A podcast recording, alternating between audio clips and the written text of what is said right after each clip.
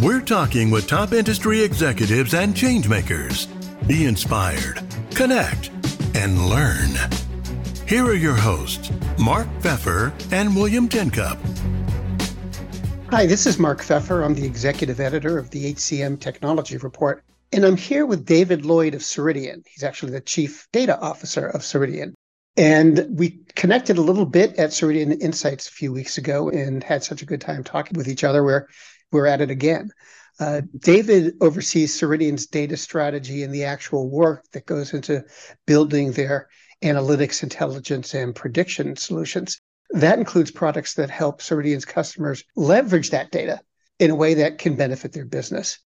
David, thanks for taking the time to talk. It's great to see you again.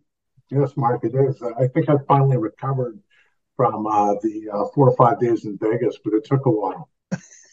That brings me right to my first question, which is what, what did you think of Insights? I mean, it seemed like a pretty good show from where I sat. Uh, we had a great time. It was my first time at Insights. Um, I've been fortunate enough to do events we did last year called our World Tour in New York and London, which was a great experience. But Insights was that really at scale. And I think from that standpoint, it was both exhilarating to talk to that many customers, that many prospects in one place, but also just exhausting. I know our team alone on the data side did I think we had 11 or 12 presentations, unique ones, throughout those couple of days with our customers. So a lot of energy went into that, but it was quite exciting. Were there any particular themes or, or new products or anything like that that really got your attention? I think when I look at the organization as a whole from a Ceridian perspective, what I was excited by is you see things like our benefits intelligence and how we really use data effectively to help customers, employees specifically, make much better decisions as it relates to their benefit selections, because that has such a significant impact on their families uh, over the course of the year. And you only have really one time to make it right during that year. So I think that's one example really great work being done on our career intelligence side when you look at the use of skills ontologies and how those eventually get utilized from a data point of view to not only help individuals plan where their career can take them, almost that roadmap because we understand the skills, but it's almost like a silent partner for them at the same time because those skills now are in a place where when new roles come up within a company, you can internally source the best possible people potentially for those roles. And you can use that intelligence also externally when looking for candidates as well. So I think different aspects like that are very, very exciting. And then, you know, for me, it's the overall use of data. And I know that within our team, we talked about a brand new analytic view coming out soon that is really focused on work energy and burnout. And so those kind of uses of data to drive intelligence where you have a ability to deliver that back to a customer to make the best possible decisions, to me that's that's really exciting.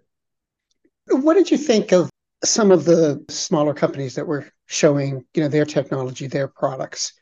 It wasn't quite like the um, startup corner of HR tech. There were some pretty interesting companies in there.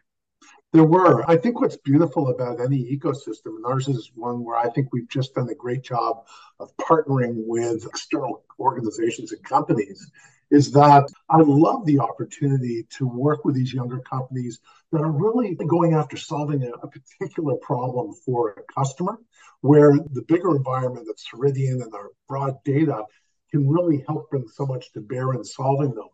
So I love it because we create this ecosystem then for these smaller, more nimble companies in different ways to be able to actually leverage Ceridian platform to be able to not only add intelligence and new thinking to what we're doing, but at the same time get a benefit of being able to where they're allowed to utilize that data to improve the intelligence of their solutions. So i think it's very exciting. And you see that a lot at really what i would call organizations that are entrepreneurial in their basis, like Ceridian is, but at the mm-hmm. same time, they understand that they're becoming more of a platform or a foundation. So that's a great symbiotic relationship in many ways. What do you think is the main dynamic? Do these new companies push Ceridian into new territory, or does Ceridian pull them into new territory? I think it can actually be a bit of both. I always like to think that the best of breed companies coming out are the entrepreneurial ones. You know, it's easy to look and solve a particular part of a problem and really dig into that. It's much harder to do that at scale when we talk about the whole nature of our global platform. That's very difficult to do. So I think that's where both get the benefits from one another, to be blunt. When I think about it that way, what always attracted me to solving certain problems in the startup companies that I built, it was all about our ability to be hyper focused because our access to capital, our access to the right resources, we had to be really focused on the problem we were solving.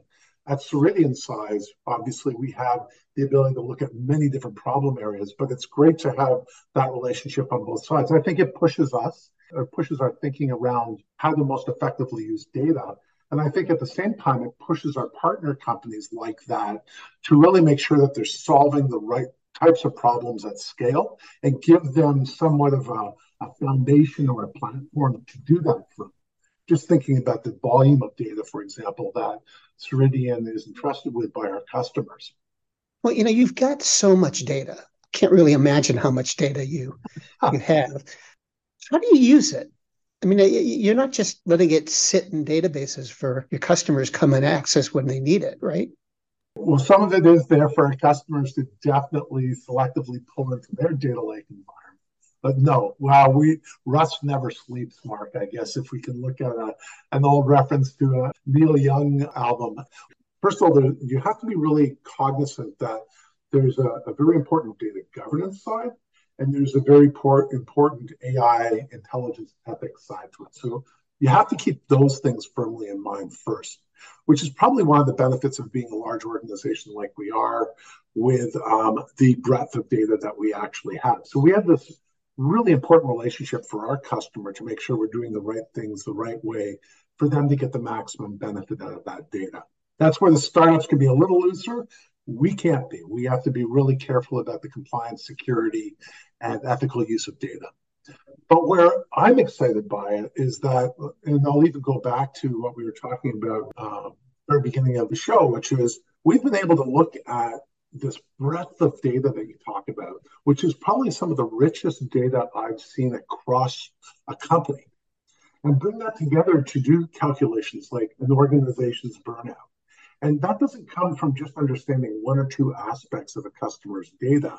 That comes from looking at salary changes, performance ratings, the efficacy range of a person when they're doing a survey, um, it's looking at all these different capabilities within our platform to bring this data together to actually help organizations predict what's going to happen next. And that to me is very, very exciting. We have this concept in our strategy of inform, predict, and act. And then form is critical. So that's all about how we get, to your point earlier, that data out of the system into a business intelligence format for our customers to use to answer their own questions and be informed about what's happening. Then there's the predictive part of that where we can help drive our customers through looking at intelligent nudges that tells them when to look at data. That can be doing time series analysis of changes in their data over time for the history of the organization. And then eventually that leads to the act part, which is once we know what data to look at and we can predict what's happening, how can we then better inform our customers on the act part of that strategy of where to begin looking to uh, you know solve problems? And to me, that's that's really about artificial intelligence. No, that's about augmented intelligence. That's where we're augmenting the professionals in those organizations that also bring an incredible skill set to bear to really support the decision making. So I think that's the exciting thing about that data and how it can be used. You know, a couple of minutes ago, you mentioned Neil Young. I think that for our younger listeners, we should say he was a very well known guitarist in the world of rock. But anyway, good one. Good one. so you might have touched a little bit on this, but going back to data, how do you see your use of it evolving? Is that something you can predict or have a sense of now? I think uh, I can tell you where some of the things we're looking at that I think really impact uh, customer value. And I think that's how we always focus on it. Data is data. if you can bring it together in, in unique ways that help customer decision making, I think that's critical. Or to understand, I'll use another euphemism from Mr. Wayne Gretzky, uh, where the puck's going to be, not where the puck is, to use my Canadian and put my Canadian hat on. So when we look at some of the things that we're looking at in a forward-thinking point of view, it's imagine that I'm an organization and I have a turnover rate that we've set internally that's going to be 12%. And everyone in the organization is held to that kind of scorecard metric. Now imagine that not only can I see how that metric reflects within my organization, but I can also begin to see how best in class is actually performing in my organization. So I may be running at 10%, but let's say there's a group similar size that's running at 4%. That benchmarking kind of capability internally to me is very exciting because I can couple that and learn from what's happening in another part of the organization to perhaps better my result. So benchmarking is one area that, although not out on the fringe, it's it's the way that you leverage data effectively internally. And I'm a very big believer in the drive of using data for what we would call anomaly detection, which is don't tell me what's normally happening in my payroll. That's fine and I don't care about. Tell me the things that are standing out. So when I'm doing a massive payroll, I'm looking at the exceptions, not the rules, so that I'm focusing my professional expertise on those kind of problems that I alone need to make the most sense of. So, using data, especially from a learning point of view like that, to actually look at and be able to understand what's not functioning properly, to me, is really critical in the efficiency of an organization.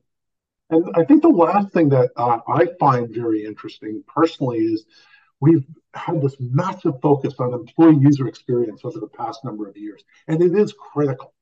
But one of the things as a leader myself that I've really found challenging is what I would call the leadership IQ or that leadership intelligence.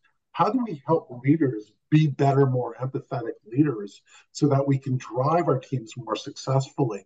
And we've been spending some initial time as well looking at how we can begin to infuse a leader with that data so that if I'm having a one on one with you, Mark, right now, that we're actually having a great conversation. I know what's happening within Mark's life. I'll call it Mark's baseball card by flipping him over and saying, wow, you know, Mark hasn't been on vacation in at least four months and his his burnout rate looks a little high. He might be a bit of a flight risk because of that. And, you know, his last performance rating was outstanding. It allows me to be more empathetic and think, Mark, you know, you've been really doing a great job. Why don't you look at taking some time for a week off by yourself and recharging your batteries? It, it allows me to have a different conversation that way. And I don't think we've focused enough on leaders yet in terms of the leader experience to really help in this new world of work. That's really interesting because you know we talk so much about employee experience and candidate experience, and I really haven't heard anybody talk about the leadership experience. That's good. We'd like to hear that we're uh, pushing on things that may not be uh, necessarily looked at by others. Even our burnout is an example of that. We are way ahead of the pack in terms of our deep analysis and research that we did around that. I think that's part of what Ceridian's benefit is to your earlier point about being this larger HCM organization, Mark, is that we have the ability in the purvey to see across all of this data and actually recognize how we can bring the force of all of that together to kind of drive that global people platform that we're so focused on.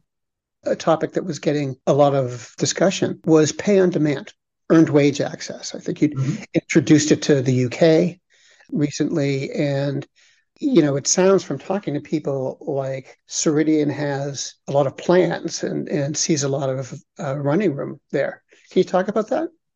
So that's probably the best person who heads up our overall wallet uh, area to talk to but I can talk to it by the stories I've heard some of our customers tell. I was walking on talking with one of our customers who I was in New York with a while ago, and the story she told about an individual employee, I believe it was one of their janitorial staff, ability to put food on the table literally that night because he had the on demand pay was truly touching. I think what I love about Wallet and on demand pay that way is that it truly recognizes that it's my pay, I earned it. I think that's the first thing it recognizes. But I think it helps anybody who really needs to manage themselves that way feel like they're in control. I can't imagine having to have to go for a payday loan to bridge a week or other things of that nature, which are just you know hideous interest rates. They're and they're so challenging for individuals where so many people live paycheck to paycheck. It, it's one of those unique opportunities where we've truly built a product that not only has an incredible impact on a person's well-being, but actually has an incredible impact on the company at the same time. We know that a lot of our uh, customers that are using it now have much lower attrition rates. It's actually an attractive from a recruiting point of view because people can say, hey, that's a great benefit uh, that I get working with that organization. So I think it has so many different impacts on both the organization that is forward thinking enough to deploy it and their employees who are fortunate enough to be able to take advantage of that and really have much more control over their lives because they can decide when they get paid. It feels like this is an area that's going to sprint. You know, it's been mm-hmm. slowly but steadily growing for the last 10 years. But now pay on demand seems to be in a lot of places. Mm-hmm. Could 2023 be the year of pay on demand?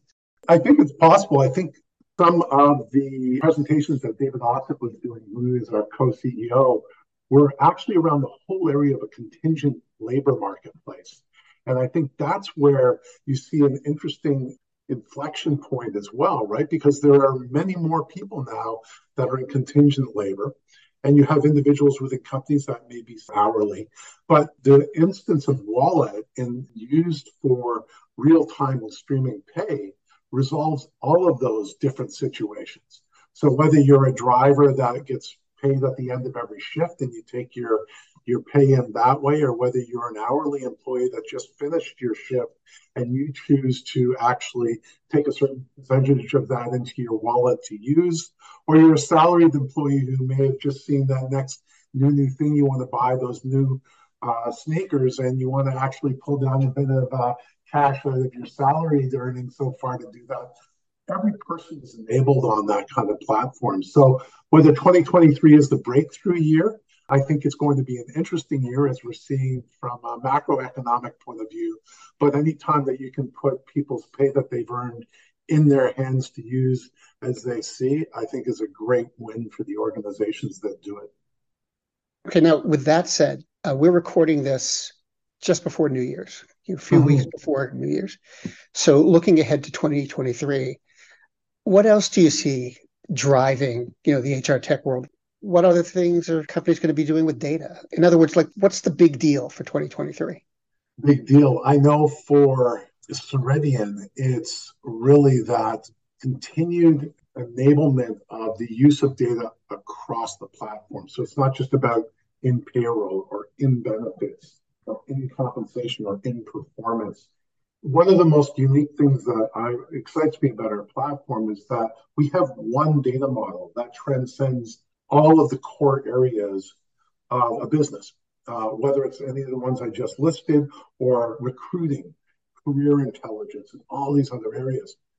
The power of bringing that data together from a predictive point of view is really exciting to me, but simply the ability for an organization to look across that great breadth of data to make business decisions in what is going to be potentially a very unknown economy over the next 12 months is critical.